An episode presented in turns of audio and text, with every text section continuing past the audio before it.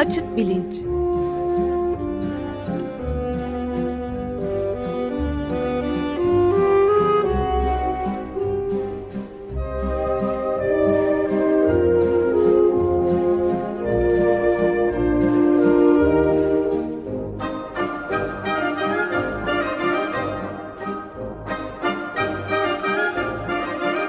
Güven Güzeldere ile bilim ve felsefe sohbetleri. Günaydın Güven Bey, merhabalar. Günaydın Ömer Bey. Evet, bugün e, koku üzerinde biraz e, duracağız. Siz e, konuğumuz e, Doktor Aytu Altındağ ve konuyu da takdimini yaparsanız seviniriz. Tabii hemen yapayım. Ee, bilimde, felsefede ve sanatta koku ve tat algısı serisinin içindeyiz. Ee, koku algısı üzerine Vedat Ozan'la e, epey kapsamlı e, sohbetler yapmıştık. Bu e, programların bir tanesinde koku bozuklukları e, konusu gündeme gelmişti. E, ne şekilde gündeme geldiğine birazdan tekrardan e, söz edeyim. E, fakat e, Vedat Ozan sağ olsun e, bize e, Türkiye'de aslında koku ve tat e, algısı bozuklukları üzerine çalışan bir uzman olduğunu ve programa belki katılabileceğini söyledi. E, bu sayede Doktor Aytu Altındağ'a ulaşmış olduk. Hoş geldiniz e, Aytu Bey merhaba. E, merhaba Güven hoş Bey, geldiniz. Ömer Bey merhaba, hoş bulduk. Çok teşekkürler davetiniz için. Estağfurullah, gayet ben mutluyuz. kısaca kendisini tanıtarak e, başlayayım sonra sözü kendisine bırakayım. E, koku ve tat algısında nasıl bozukluklar oluyor, sebepleri nedir, ne şekilde tedavi edilebilir biraz bunlardan konuşacağız. E, Doktor Aytu Altında kulak, kulak e, burun boğaz baş boyun cerrahisi uzmanı. Ee, Ankara Tıp Ankara Üniversitesi Tıp Fakültesi mezunu e, kulak burun boğaz ihtisasını İstanbul Göztepe Eğitim ve Araştırma Hastanesi'nde e, mecbur hizmetinde Diyarbakır Eğitim ve Araştırma Hastanesi'nde yaptıktan sonra bir sürede Almanya'da e, Dresden Karl Gustav Karus Üniversitesi'nde e, koku tat hastalıkları kliniğinde gözlemci olarak çalışıyor. E, araştırma alanları arasında e, genel kulak burun boğaz hastalıkları dışında daha özel olarak burun ve sinüs cerrahisi, uyku apnesi tedavileri, alerjik hastalıklar, koku ve tat e, bozuklukları e, ve ses hastalıklarının e, tedavisi var. 2012-2016 yıllarında İstanbul Cerrahi Üniversitesi'nde çalıştıktan sonra e, şu anda kendi muayenehanesinde hastalarının kabulünü gerçekleştirmekte.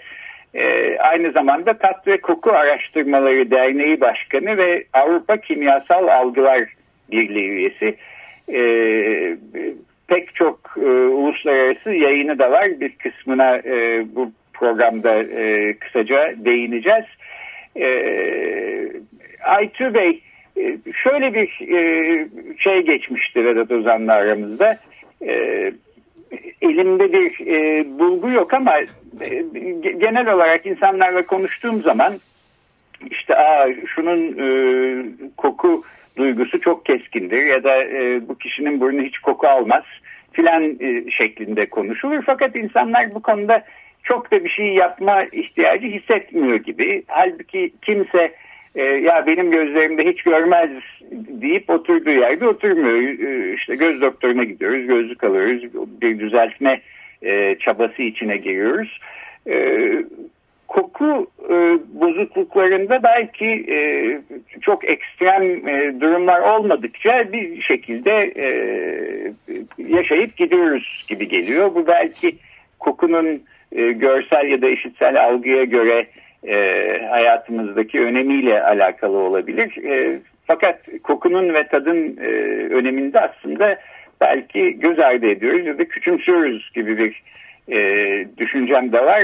Vedat Ozan da buna katılıyordu.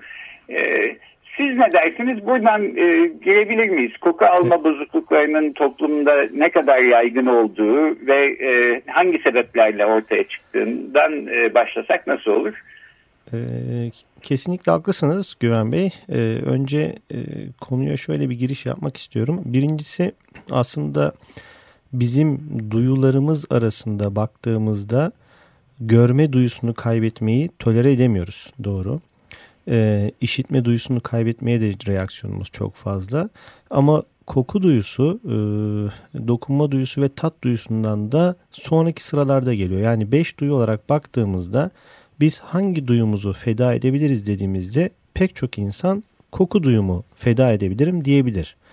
Bu olayın e, birincil durumu aslında bu konu üzerinde farkındalığın yavaş yavaş oluşmasının birincil durumu. Çünkü insan pragmatist bir canlı, faydacı bir canlı ve en çok hangi duyusundan yararlanıyorsa onunla hayatına devam ediyor. Belki e, daha e, ilkel çağlarda bizim için çok daha yaşamsaldı. Avcılık döneminde avlamak için çok daha yaşamsal bir duyuydu bu koku duyusu. Hatta Ama toplayıcılık, toplayıcılık dönemi, dönemi içinde de gene aynı şekilde tat duyusuyla birlikte çünkü zehirli gıdaları fark edecekler, evet, evet. tespit edecekler. Onu o toplulukta tekrar bir tecrübe olarak aktaracaklar.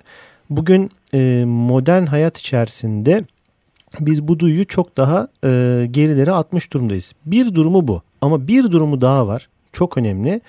E, Alexander Graham Bell 1914 yılında şunu söylüyor. Biliyorsunuz kendisinin yaptığı şey işte annesi işitme engelli onun için e, buluşlar yapmaya çalışıyor. Telgraf sistemini vesaire buldukları zaman diyor ki eğer yeni bir bilim bulmak istiyorsanız kokuyu ölçünüz diyor.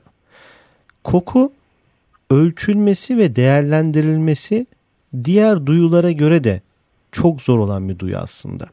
Şimdi e, bunun birçok gelişimi bir, bir, etrafımızdaki aslında tamamen bir kimyasal evren var. Bu kimyasal evrende her şeyin bir kokusu var. Biz insan olarak bunların hepsinin kokusunu alamayabiliriz. E, eşik üstü kokular ve eşik altı kokular var. Ama her nesnenin kendine ait bir kokusu var ve bunun tanımlanması ve bunun klasifiye edilmesi de çok zor bir şey. O yüzden nasıl uykunun e, anlaşılması 20. Yüz, 20. yüzyılın ikinci yarısından sonra uyku anlaşılmaya başlandı. Uykunun evreleri işte rüyayı şu aşamada görüyoruz, REM döneminde görüyoruz denildi. Bence e, kokunun da anlaşılmaya başlanması ile birlikte araştırmalar da yoğunlaşmaya ve daha çok üzerine gidilmeye başlanacak. Çünkü şu ortaya çıktı. Öncelikle artık e, koku duyusunun kaybının pek çok başka bulguya yol açabileceği de ortaya çıktı. Nedir? Mesela Alzheimer'da ve Parkinson'da aslında bir erken tanı testi. Yani Alzheimer'ın nörolojik bulguları başlamadan ilk bulgusu koku duyusunun bozulması.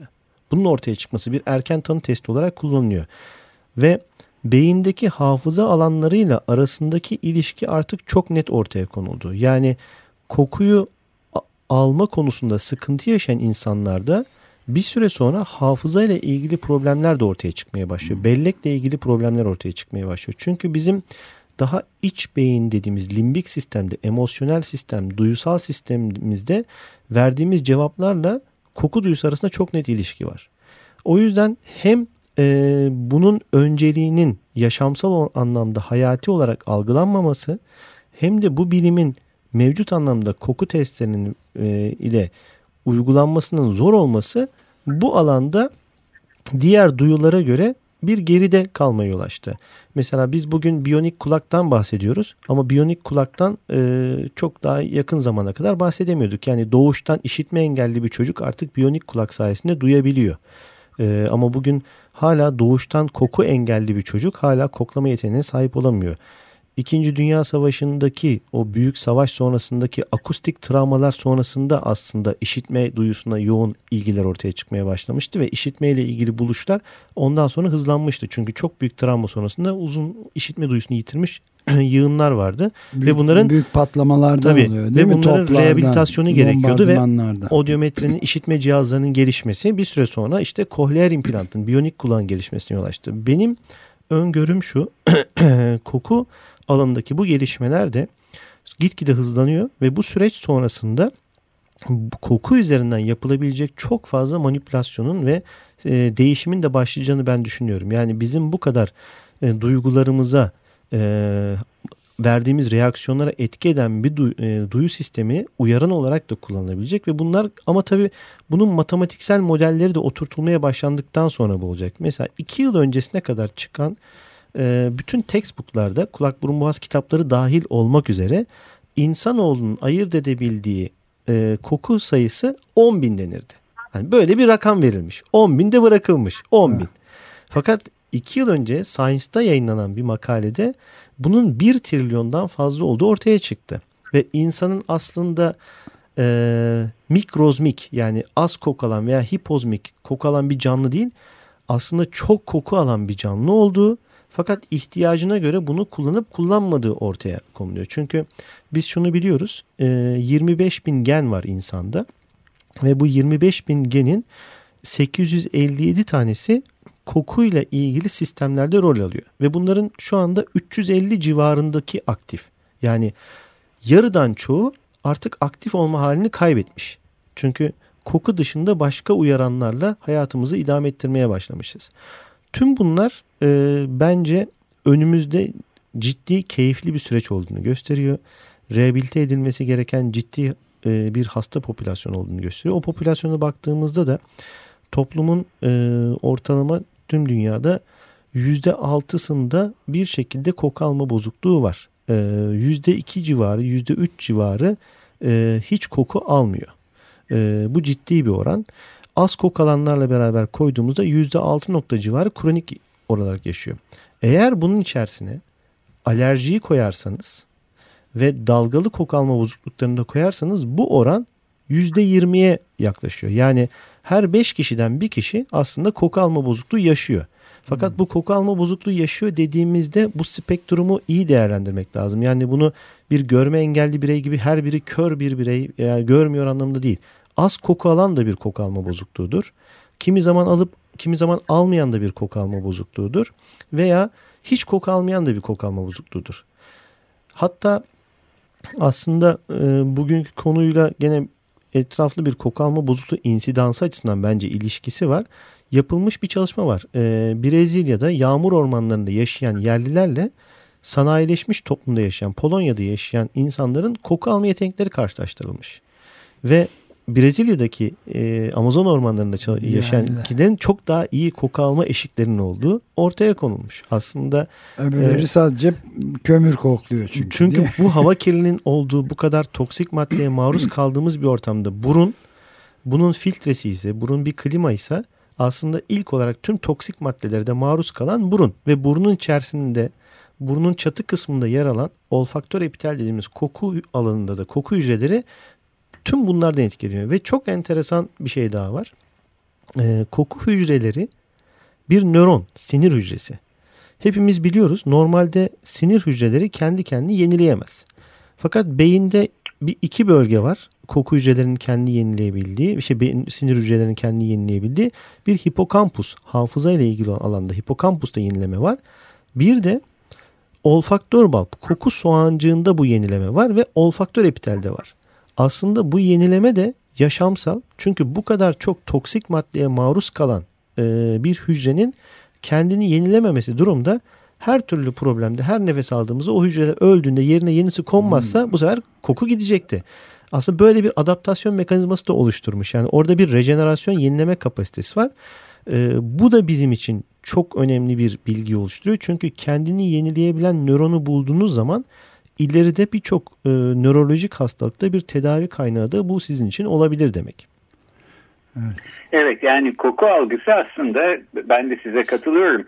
E, pek çok ilginç e, olgu barındıran e, bir çalışma alanı ve şimdiye kadar nispeten işte görsel algının ya da işitsel algının e, gölgesinde bir parça kıyıda köşede kalmış bir alan ama e, geleceği parlak gibi gözüküyor. Biz de bu koku ve tat algısı serisini doğru zamanda yapıyoruz e, diye çıkartıyorum buradan.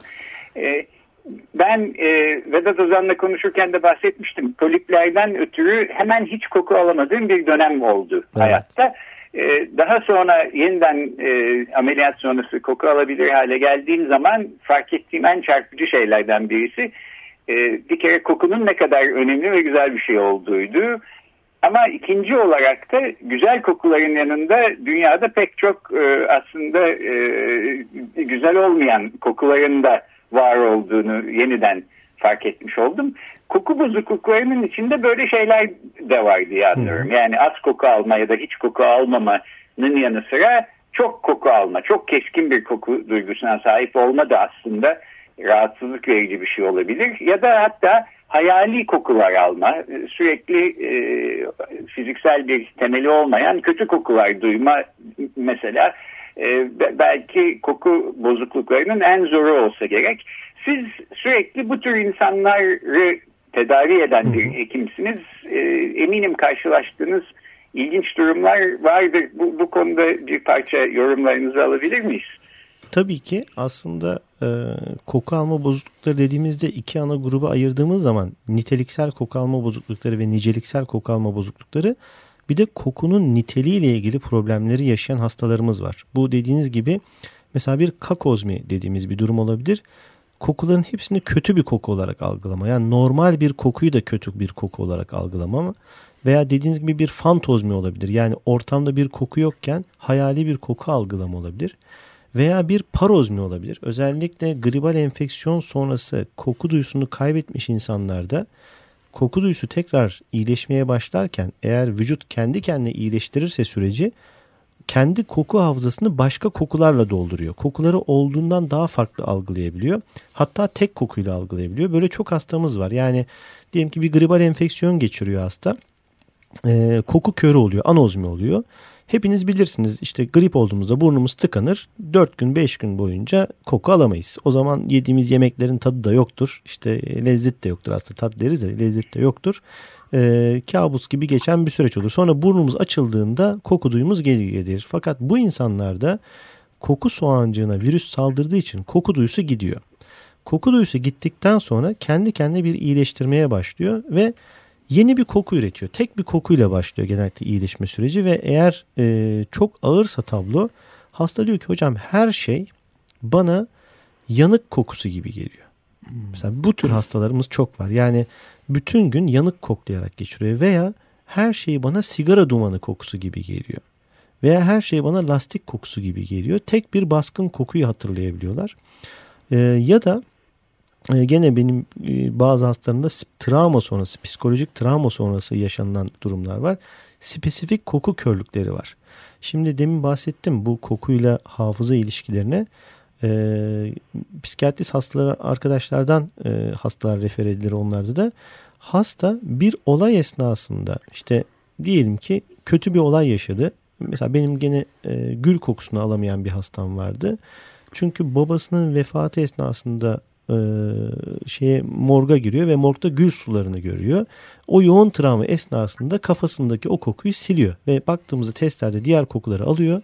Fakat o kokuyu almıyordu. Delete. E, çünkü onu o acıyla yüzleşmek istemiyor. Onu e, çünkü ne zaman gül koklasa kendisinin gözünün önüne fotoğrafik olarak babasının morgda karşılaştığı e, görüntü geliyor. Babasıyla morgda karşılaşması geliyor. Şimdi e, bunlar tabii hafızayla çok derin ilişkili olduğu için kişi bundan kurtulmak için o kokuyu silmeye çalışıyor. O görüntüyü almamak için.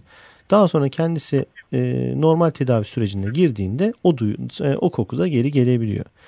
Yine bizim e, migren hastalarımızda çok görürüz. Hastalar iyi koku aldığını söyler. Biz yaptığımız bir çalışma vardı. Biz merak ettik. Acaba dedik gerçekten migren hastaları normal bireylerden daha iyi mi koku alıyorlar? Çünkü çok reaksiyon gösterirler işte. Aa bu bana çok, çok fazla hassas, kokuyor. Evet. Burada da kokunun farklı bir şeyi var. Ozmofobi dediğimiz koku fobisi var. Aslında migren hastalarında koku alma yeteneklerinin arttığı değil, mevcut kokulardan bir kaçınma davranışı gösterdiklerini görüyoruz. Çünkü orada şunu gö- gözlemledik. Bazı kokular migren ataklarını tetikliyor keskin kokular olduğu zaman aynı işte bazı yiyeceklerin migren ataklarını tetiklemesi gibi nasıl şarap veya peynir veya çikolata migren atağını tetikliyor.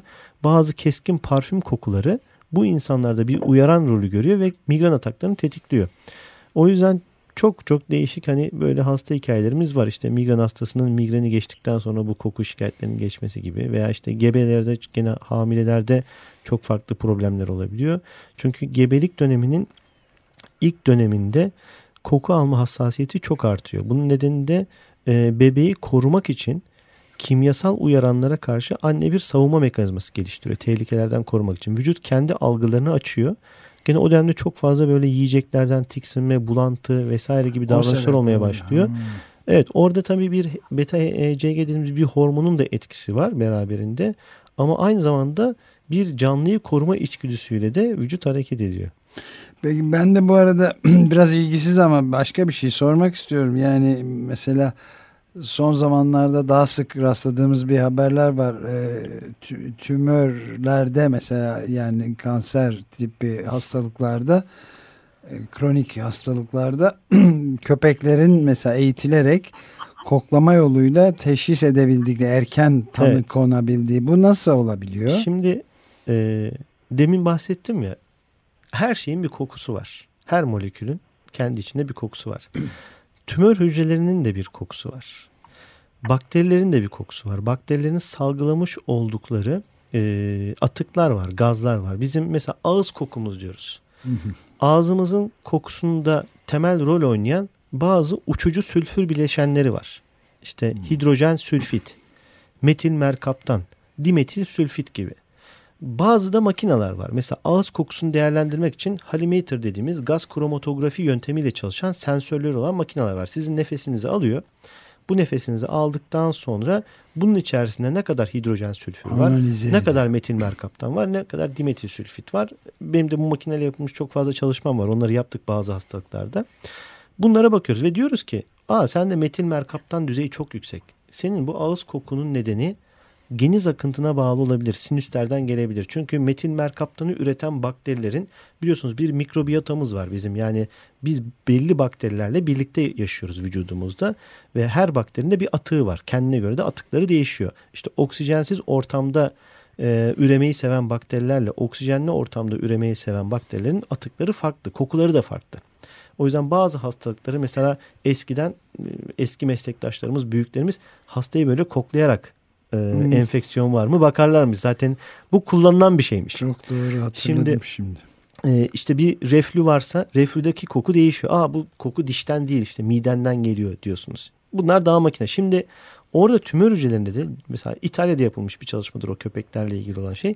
Cilt kanseri olan, melanomu olan e, hastaları köpekler fark ediyor. Veya meme kanseri olan kadınlarda bakmışlar. Gene akciğer kanserine bakmışlar. Yani burada hatta e, bazı çalışmalar var şimdi. E, birkaç e, şirket var ismini vermeyeyim de onlar yoğun bakım yataklarını koku sensörlü yapmak istiyorlar ki hastada bir sepsis olduğu zaman bir e, enfeksiyon üremesi olduğu zaman çünkü yoğun bakımda hastanın bilinci kapalı belki yoğun bakımda gözden kaçabilir kan değerlerinde erken dönemde hastanın dışarı ürettiği kokuyla hastanın bakteri kolonizasyonu hakkında bir bilgi sahibi olmak için çalışmalar var. Hmm.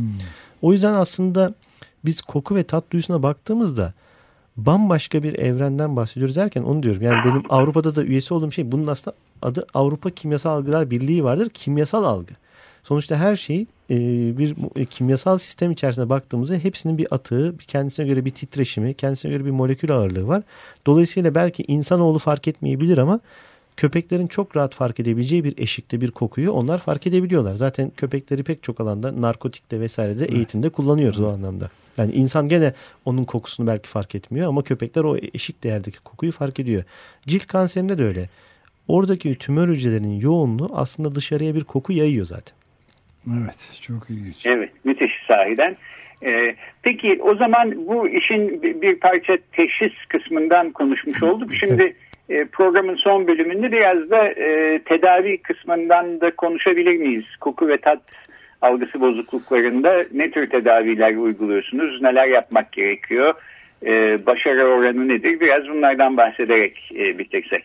Şimdi e, öncelikle koku alma bozukluğuna baktığımızda e, niteliksel e, pardon niceliksel bir bozukluk varsa yani az koku alma bozukluğu varsa kişi az koku alıyorsa bunun nedenine bakmak lazım. Burunda tıkayıcı bir neden var mı? Yani havanın içerisindeki koku molekülünün burun içerisindeki koku hücrelerine ulaşmasını engelleyen sizin durumunuzda olduğu gibi polip, alerji, burun eti büyümesi, deviyasyon gibi veya tümör gibi bir durum var mı buna bakmak lazım. Bu aslında en kolay tedavi edilen koku alma bozukluğu. Mekanik Çünkü siz oradaki blokajı ortadan kaldırdığınızda hava ve koku hücresi yan yana geliyor e, ve bu süreç gerçekleşiyor. Tekrardan koku almaya başlıyorlar. Fakat şöyle bir şey daha var. Burada o kadar güzel bir detay var ki. Şimdi koku alma işleminin gerçekleşmesi için fotoğraf makinesinin o tripodu gibi üç ayaklı bir sistem var. Koku molekülü koku alanında e, birleşecek koku hücresiyle bu birinci alan. Sonra koku soğancına gidecek kafa tabanında yerleşen. Daha sonra da koku merkezine gidecek beyinde. Şimdi eğer uzun süreli burun tıkanıklığı varsa bir kişide uyaran yani kullanılmayan organ körelir felsefesi aynı burada da işe yarıyor ve koku epitelindeki uyarılma azaldığı zaman kafa tabanındaki koku soğancının hacmi küçülmeye başlıyor. Hmm. Ve bu insanlarda siz iletim bozukluğunu ortadan kaldırsanız bile aynı kalitede koku gelmeyebiliyor eğer çok geç kalmışsa kişi. Özellikle bu poliplerde daha büyük önemi arz ediyor. Çünkü poliplerin bir kısmı koku hücreleri için toksik maddeler de e, ihtiva ediyor. Eozinofil gibi. Onu salgıladığı zaman dış ortama koku hücrelerini öldürüyorlar. Siz bütün polipleri temizleseniz bile hasta hala tam yeterli düzeyde evet alıyor tıkanıklık açıldığı için ama keskin. O ben tazı gibi burnum işte eskiden koku alıyor dediği düzeye gelemiyor. O yüzden iyi tedavi edilmesi ve erken teşhis edilmesi çok önemli. Peki diyelim böyle bir problem yok. Burun tamamen açık. Koku molekülleri koku hücrelerine gitti ve bu hasta daha önce koku alıyordu ve sonra bir gribal enfeksiyon geçirdi ve kalıcı olarak koku körü oldu. İşte burada aynı fizik tedavi gibi koku egzersizleri veriyoruz. Hastalara belli kokuları veriyoruz ve bu kokularla sabah akşam egzersiz yaparak çalışmaya başlıyorlar. Çünkü demin bahsettim program başında koku hücreleri kendini yenileme kapasitesine sahip. Ve orada bir elektriksel aktivite oluşturup yeni nöronların tekrar aktive olmasını sağlıyor. Ve buna olfaktör training deniyor. 2009 yılında tanımlandı bu dünyada. Ee, ben de Almanya'da e, bulunduğum klinikteki hocamın yanında çalışırken bu tedavi tekniğini gördüğümde çok etkilenmiştim. Çünkü çok iyi cevap veriyordu. Sonra ben bunu modifiye ettim. 2015 yılında da Amerikan Kulak Burun Boğaz Akademisi'nin dergisinde benim çalışmamda yayınlandı. Çok da güzel oldu. Çünkü kokuları değiştirip daha farklı kokuları koyduğumuzda ve süreyi uzattığımızda koku alma skorlarının da daha yukarı çıktığını gördük. Aynı bu spor yapan insanlar gibi. Mesela hastalarım geliyordu sıkılıyordu mevcut hangi kokuları koklayacaklarını. Sonra biz değiştirdikçe bir sonraki seviyeye çıkmak anlamında da hastalarda bir istek ve arzu gördük ve değiştirip daha fazla daha farklı çeşitli kokunun daha fazla sürede verilmesinin de pozitif etkisini gördük. Buna da olfaktör training diyoruz. Aytu Bey şeyi de bu arada bir parantez olarak söylüyorum. Koku e- egzersizinde çeşitli farklı kokular evet. mı bu, veriliyor, koklatılıyor mu? Nasıl evet, yapılıyor? Bu kokuların bir sınıflaması var kendine göre. Henning prizması dediğimiz işte çiçeksi kokular, meyvemsi kokular, işte e, fresh kokular gibi. Burada mesela hastaya gül kokusu, karanfil kokusu, işte okaliptus kokusu, mentol kokusu ve limon kokusu veya işte bergamot kokusu, gardenya kokusu bu sıralaması var. O kokuları verip hasta sabah akşam bu egzersizi yapıyor. Burunla yaklaştırıp nefes almayla birlikte koklama egzersiziyle birlikte kokluyor ve bu bir uyaran götürüyor oraya. Orayı çalıştırmak için zorluyor. Bu şey gibi düşünün. Hani fizik tedavide siz o kası çalıştırmaya başladıkça diyelim ki bir yerde bacağınız kırıldı, alçıda kaldı. Uzun süre kullanmadınız. Çıkardığınızda kas kitlesinde, kas yoğunluğunda bir azalma var. Bu da öyle oluyor. Çünkü bu insanlar koku almadıkları zaman bu sefer koklamak için de bir aktivasyon göstermiyorlar. Hı hı. Yani çünkü koku duyusu şöyle. E, ben size bugün kaç tane e, koku kokladınız biliyor musunuz desem hatırlamazsınız. Yani ama anca bir yerde bir ortama girdiniz. Orada bir çiçek var vesaire var. O zaman yaparsınız. O yüzden bu egzersizi yapmadığınız sürece çok fazla üzerinde uğraştığımız bir işlem değil. Ama Hı-hı. bu egzersizde çalıştığımızda daha fazla koku molekülünü koku epitelinin olduğu yere ulaştırmaya çalışıyoruz. Çünkü koklama ile nefes almak da farklı. Kokladığımızda bizim bu koklama davranışları diye bir çekme yaptığımızda burun kanatlarımızın şekli değişir ve burun çatımızda yer alan koku alanına daha fazla havayı vermeye çalışır.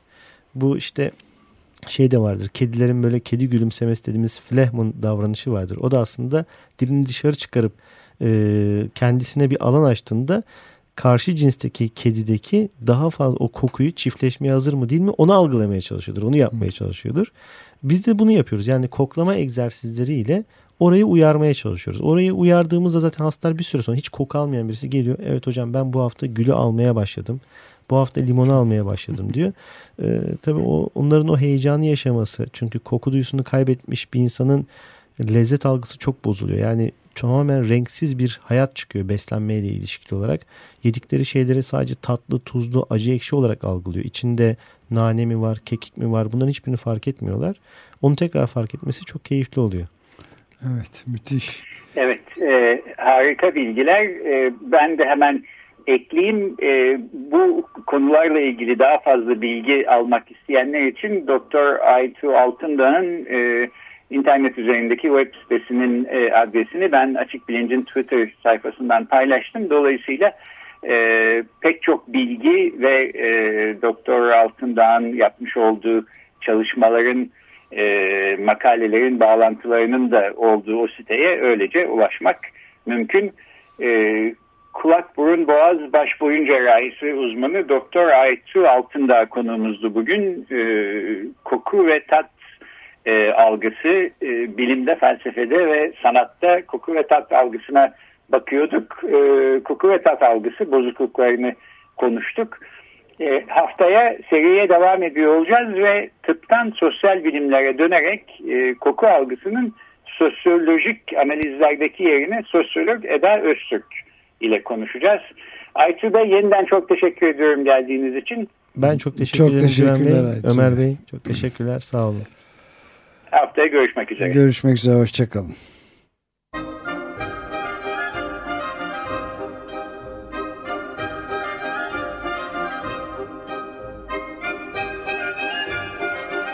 Açık Bilinç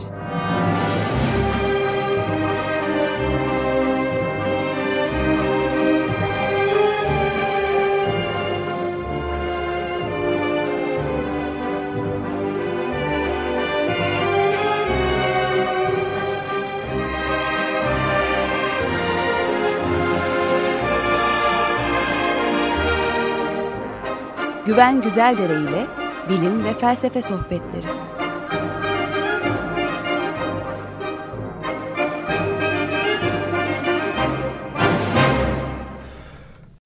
Açık Radyo program destekçisi olun. Bir veya daha fazla programa destek olmak için 212 alan koduyla 343 41 41